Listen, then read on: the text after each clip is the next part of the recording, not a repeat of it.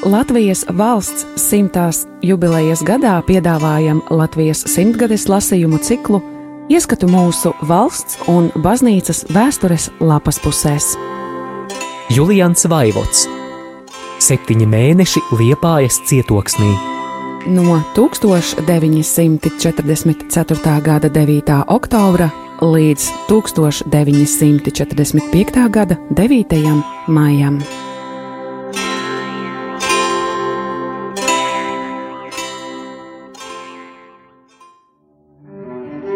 Tūkstoš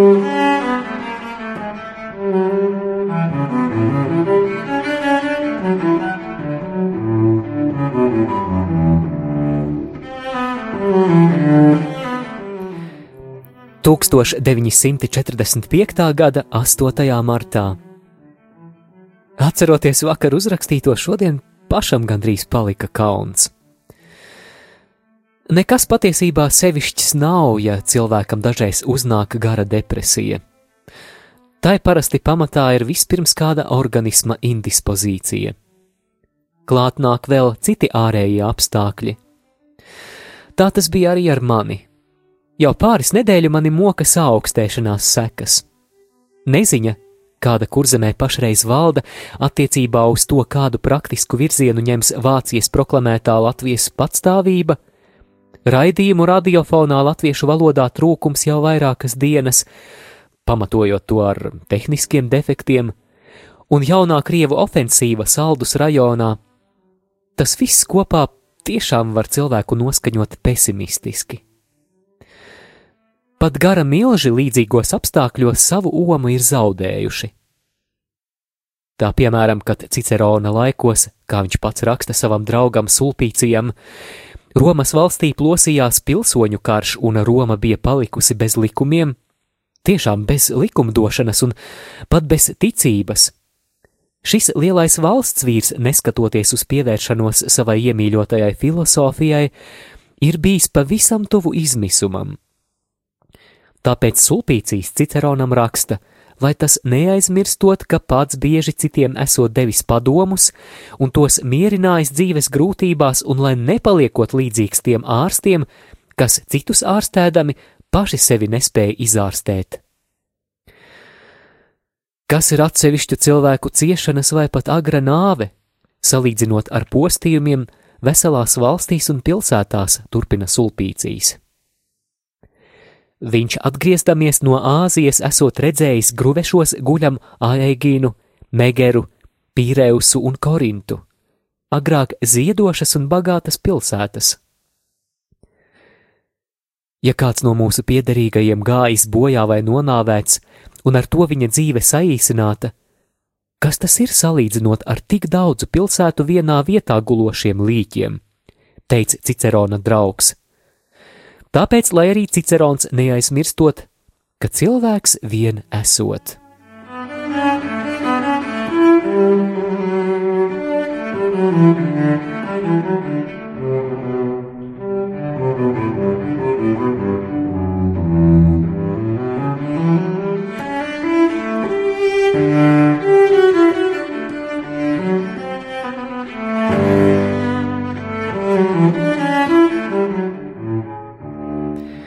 Tiešām nedrīkst pesimismam padoties vismaz tie, kuriem pienākums citus mierināt. Un nedrīkst arī pārāk pie sirds ņemt savas vai citu atsevišķu personu grūtības un pat nāvi. Mūslaiku veselu valstu un tautu izpostīšana un pat bojāēja ir nesalīdzināmi lielāka nekā Cicerona laikos.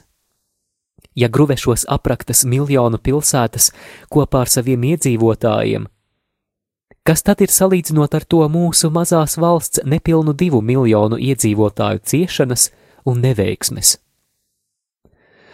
Par mūsdienu cilvēces postu jāsaka tas pats, ko Cicerons kādam Torkvato raksta, un proti, ka vispārējais sajukums esot tik liels un katram savs liktenis tik grūts, ka katrs cilvēks vēloties būt vienalga kur, bet tikai ne tur, kur pašlaik atrodoties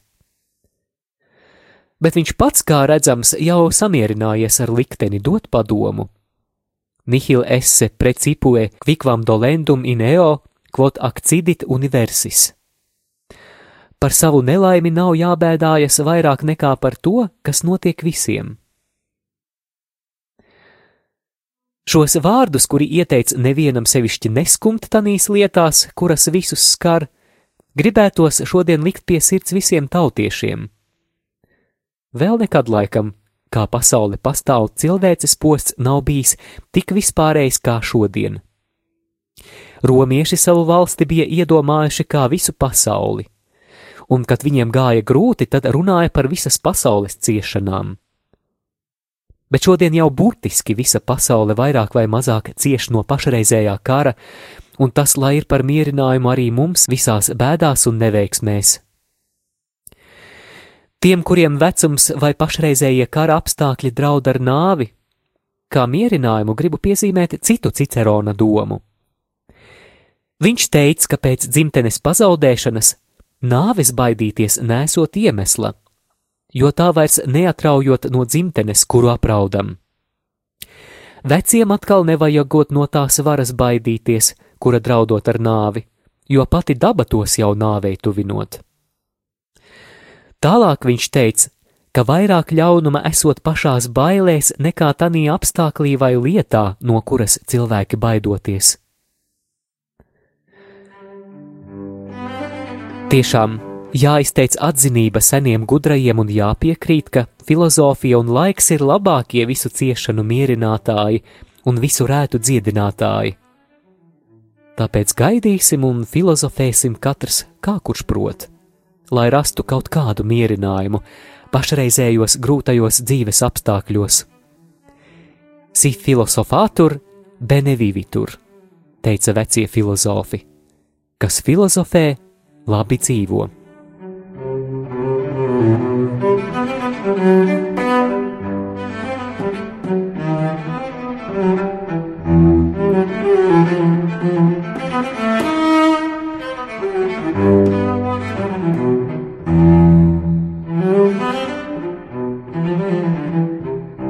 Tūkstoš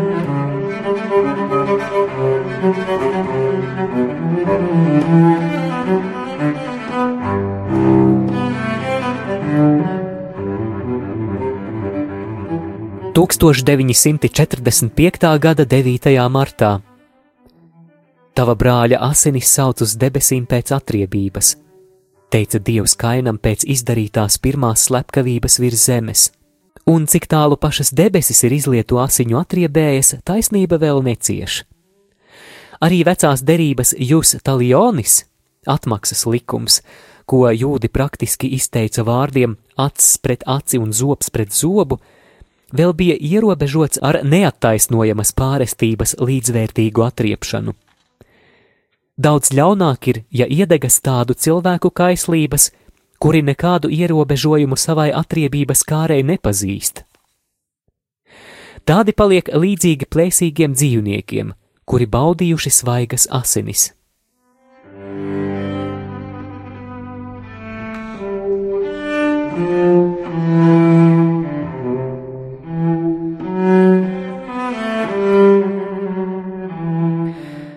Ir vēsturisks nostāsts, kura patiesīgumu apliecina skaists, akmenī cirsts piemineklis kādā Eiropas valstī.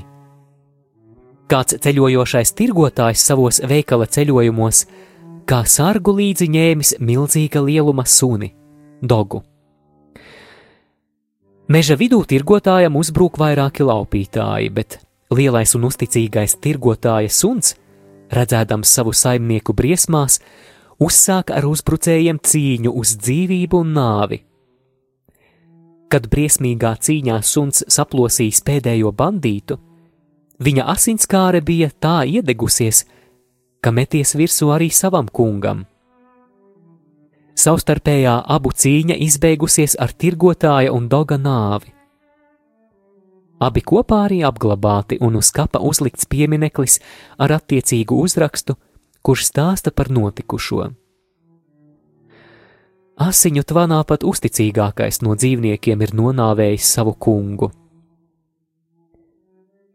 Tādu pašu asinskāri tai labvēlīgos apstākļos atriebība var izsaukt arī cilvēkos. Tā piemēram, Graciānī kronika di Perugija 1437. gads stāsta sekojošu atgadījumu. Itālijā Akvapendente apgabalā trīs ganu zēni ganījuši lopus. Laikam garlaikodamies, viens licis priekšā izmēģināt cilvēku kāršanu. Pārējie priekšlikumam piekrituši un izmēģinājums sācies. Viens nostājies zem ozola, otrs tam uzkāpis uz pleciem, bet trešais apmetis otrajam ap kaklu cilpu un auklas otru galu piesējis pie ozola zara. Kā par nelaimi, no krūmiem iznācis vilks, no kura pārbijušies pirmais un trešais zēns aizbēg kliegdami, un otrais paliek karājoties. Kad zēni atgriežas, atrod draugu jau stīvu. Nekas neatliek kā mirušo apglabāt, ko tie arī izdara. Svētdien atnāk pie ganiem mirušā tēvs un atnes dēlam maizi nākošajai nedēļai, un kad sāk jautāt, kur viņa dēls, Viens no dzīvajiem vaļsirdīgi izstāsta visu atgadījumu un parāda arī apglabātā kapu. Tēvs dusmās šo stāstītāju nonāvē, un uzšķērdis to paņem nonāvētā aknas līdzi. Mājās viņš pagatavo no tām maltīti, uzaicina pie sevis nonāvētā zēna tēvu, un, kad to ir kārtīgi pabarojis un padzirdījis, pasaka, kādu maltīti viņi ir ēduši. Nu tagad sākās atriebības slepkavības starp abām ģimenēm un to radiniekiem, un mēneša laikā tikušas nonāvētas 36 kā vīriešu, tā sieviešu kārtas personas.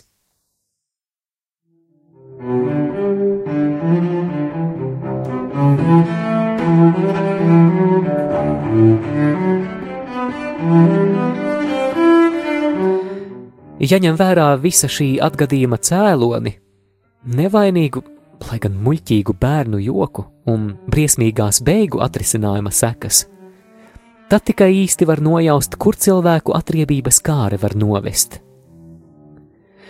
Arī tagadējā šausmīgā kara oficiālais iemesls - strīds par kādu tur koridoru vai nenoteiktas tautības pilsētu, ir tikai tāds muļķīgs, neizdevies bērnu joks salīdzinot ar pašreizējām kara sekām un kāds vēl būs tam gala atrisinājums, nemaz nevar pārredzēt. Bet arī pašreizējais posts un desmitiem miljonu nonāvēto asinis runā skaidru valodu. Kara karsumā ir nodarīts cilvēkiem abās pusēs vēl daudz vairāk pāri, nekā to pati kara vešana prasa. Ienaids tiek kurināts kā vienā tā otrā pusē, Tāpēc nav brīnums, ka pašreiz karš savā kulminācijas punktā pieņem jau pavisam necilvēcīgas formas. Šī drausmīgajā atriebības kārē bez šaubām pārspēs tie, kuru audzināšanā un sirdsapziņā saistošu normu trūkums nespiež tos apstāties nekādu varas darbu priekšā.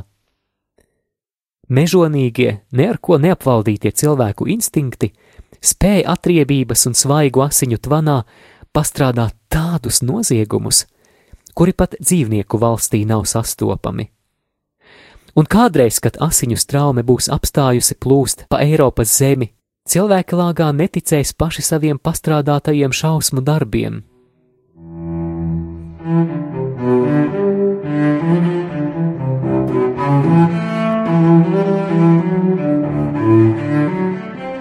Thank you.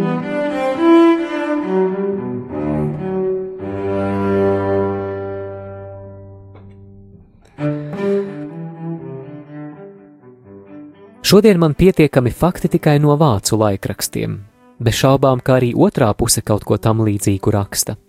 Piemēram, Deutsche Zeitung im Ostland 8. marta 39. numurā gandrīz divas lapuses piedrukātas ar krievu šausmu darbiem ieņemtajos vācu apgabalos. Artikulā vēl uzsvērts, ka visi varas darbi izrietot no krievu virspavēlniecības pavēlēm. Un kas tik tur nav par šausmām izdarīts?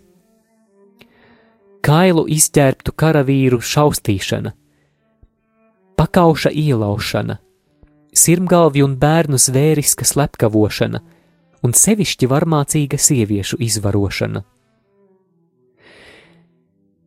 Izlauzušies no krievu ieņemtajiem apgabaliem, 16 vācu karavīri zem zvērsta esot apliecinājuši savus pieredzējumus 300 km garā ceļā līdz vācu kaujas līnijām, ka nesot sastapuši nevienu sievieti zem 55 gadiem, kura nebūtu bijusi krievu kareivju izvarota, starp tām pat trīs gadus veca meitene. Vairākums sieviešu pat vairāk kārt un no vairākiem esot piesmietas. Kādā sāģā pie faule obras 14-gadīga glīta izskata meitene, bijusi pat vairāk nekā 40 reizes no krieviem izvarota un gulējusi slima tuvu nāvei.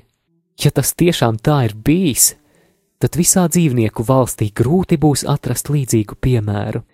Starp dzīvnieku tēviņiem parasts ir cīnīties savā starpā par mātīti, un šī ziņā viņi viens otram ne tikai lauž ragus, bet pat pārkož rīkli vai citādi nonāvē savu pretinieku sāncensi bet nekad viens pēc otra nemocīs savu kaislības objektu līdz nāvei, un sevišķi neuzbruks nepieaugušiem objektiem.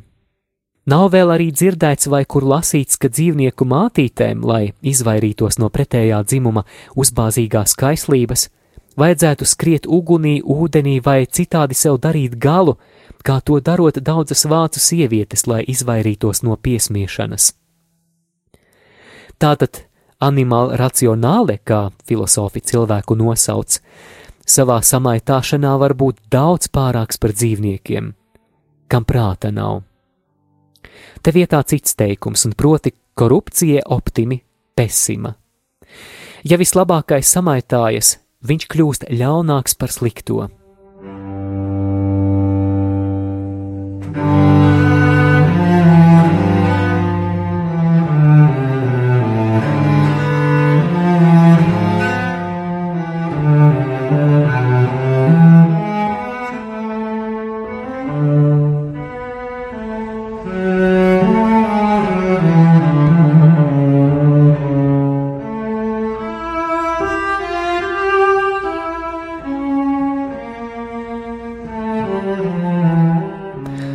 Šodien man būtu pieejami Padomju Savienības laikraksti, tad droši vien tur varētu izlasīt vismaz tādas pašas ziņas par vācu pastrādātiem briesmu darbiem Krievu zemē.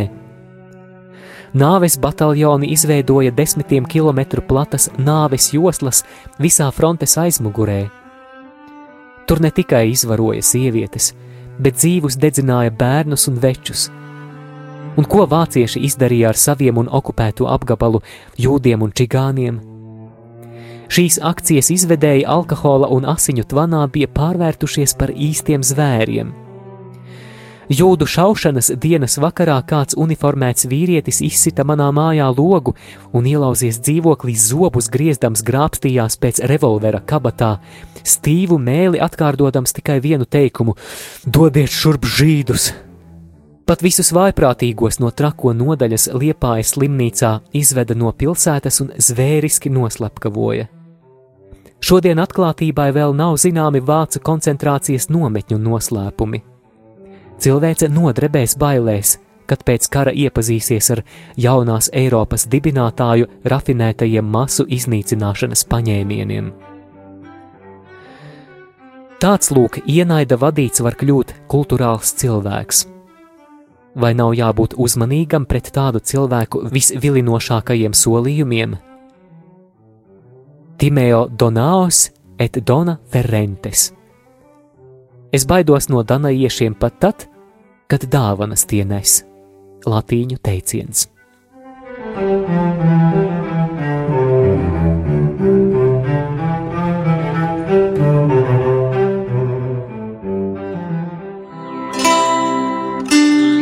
Radio Marija Latvija ēterā Latvijas simtgadēji veltīti lasījumi.